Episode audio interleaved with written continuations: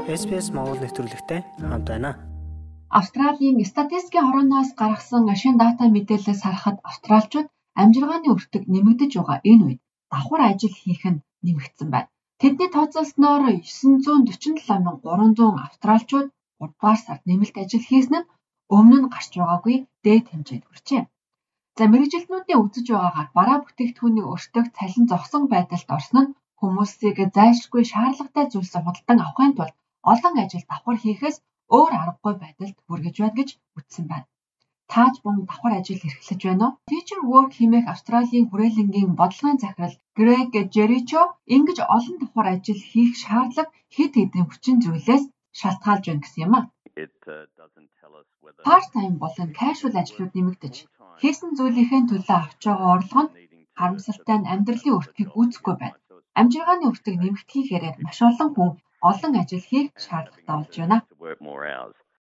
13 сая гаруй австралчууд нэг ажил эрхэлдэг. Энэ нь нийт ажилчдын 6.6% нь олон ажлыг давхар хашиж байна гэсэн үг юм. Тэгвэл ковидын тахлаас өмнө давхар ажил хийдэг хүний эзлэх хувь 5-аас 6% байсан бол 2021 оны 12 дугаар сараас хойш энэ төвшин өссөөр байгаа юм а. Нэгэн жижиг бизнес эрхлэгч хоёр хүүхдийн ээж Рэйчел Бартоло бидэнтэй ярилцсан юм а. Тэрээр хүнсний бүтээгдэхүүн болон бусад хэрэгцээ зүйлсийн үн нэмэгдэж байгаа нь хэвийн амьдрахын тулд ур чадвараа дэвшлүүлэх нэмэлт ажил хийх шаардлагатай болсон хэмээн ярьсан юм а. Хүнсний бүтээгдэхүүний үн огцон өссөн бөгөөд таны мэдэж байгаа шиг бүх зүйл ердөө 20-30 центээр өсөөгүй байна. Манай хүнсний бүтээгдэхүүний төлбөр гэхэд нэг сарын дотор гэхэд 100-аас 150 доллараар илүү зарцуулах хэрэгтэй болж байна. Энэ арай л их байна. Ийхүү хамгийн сүүлийн үеийн статистикийн мэдээнээс харахад Австралид ажил эрхэлдэг өрхүүдийн жилийн амжиргааны зардал 9.6 хувиар өссөн байна. Энэ нь 1999 оноос хойш энэ зардлыг тооцож эхэлснээс хойш хамгийн өндөр үзүүлэлт юм а.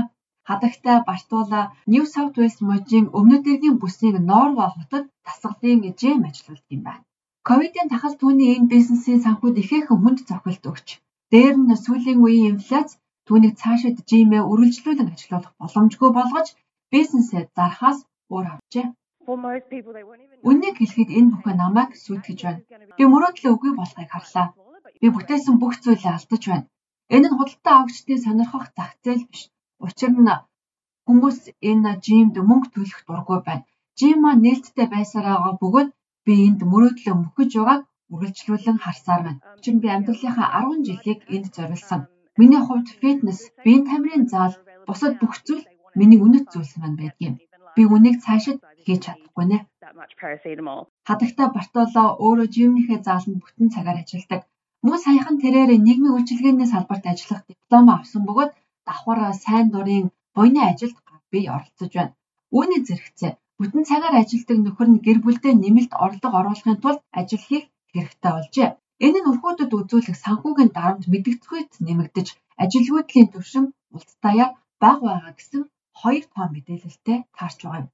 Дата мэдээлэлээс харахад Австралид 7 дугаар сарын ажилгүйдлийн түвшин 3.5 хувьтай байсан бөгөөд өнгөрсөн 12 дугаар сард 3.4 хувьтай байсан нь 1970-ад оны дунд үеэс хойш хамгийн бага түвшин юм а. Future Work төвийн Greg Jericho хэлэхдээ Австралийн ажил эрхлэж байгаа иргэдийн тоог харахад тэнд нэг ойлгомжгүй зүйл байгааг ажиглажээ. It uh, doesn't tell us whether Эдгээр ажил нь бүтэн цагаар ажилдаг уу, сайн, цалинтай юу, эсвэл муу юу гэдгийг бидэнд хэлж өгдөггүй. Дөнгөж сайхан гарсан гэж байгаа энэ давхар ажил хийж байгаа мэдээллийн нэг сонирхолтой зүйл нь бүтэн цагаар ажилдаг хүмүүс ч өөр ажил хайж болох шаардлагатай байгааг харуулж байгаа юм. Тэгэхээр энэ зөвхөн 2 цагийн ажил эсвэл 3 цагийн ажил хийдэг хүмүүс биш юм. Бүтэн цагийн ажил хийж байгаа ч илүү цагаар ажиллах шаардлага хүмүүст үүсч байна гэсэн үг. Хадагта Бартоло хэлэхдээ түүний энэ санхүүгийн бэрхшээлтэй үеийн хамгийн хэцүү хэсэг нь түүний хоёр хүүхэдтэй ч мөн санхүүгийн байдал нөлөөлж байгааг харах нь хэцүү байна гэжээ. Энэ бяцхан тархинууд мөнгө төсөв тооцоог ойлгоход хэцүү. Том хүү маань ангиараа аяллаар явах өдөр нь удахгүй болно. Энэ аялал 2 өдрийн хэдэн зуун доллар болдог. Тэгээд тэр аав ээж хоёр нь мөнгөний боломжгүй байгааг мэдэж байгаа учраас би явахгүй гэж хэлсэн. Тэгээд би 10 настай хүүдээ ийм мэдрэмж төрүүлмээргүй байна. Тэр үүнээс болж ямар нэгэн зүйлээ золиослох ёстой гэж юу?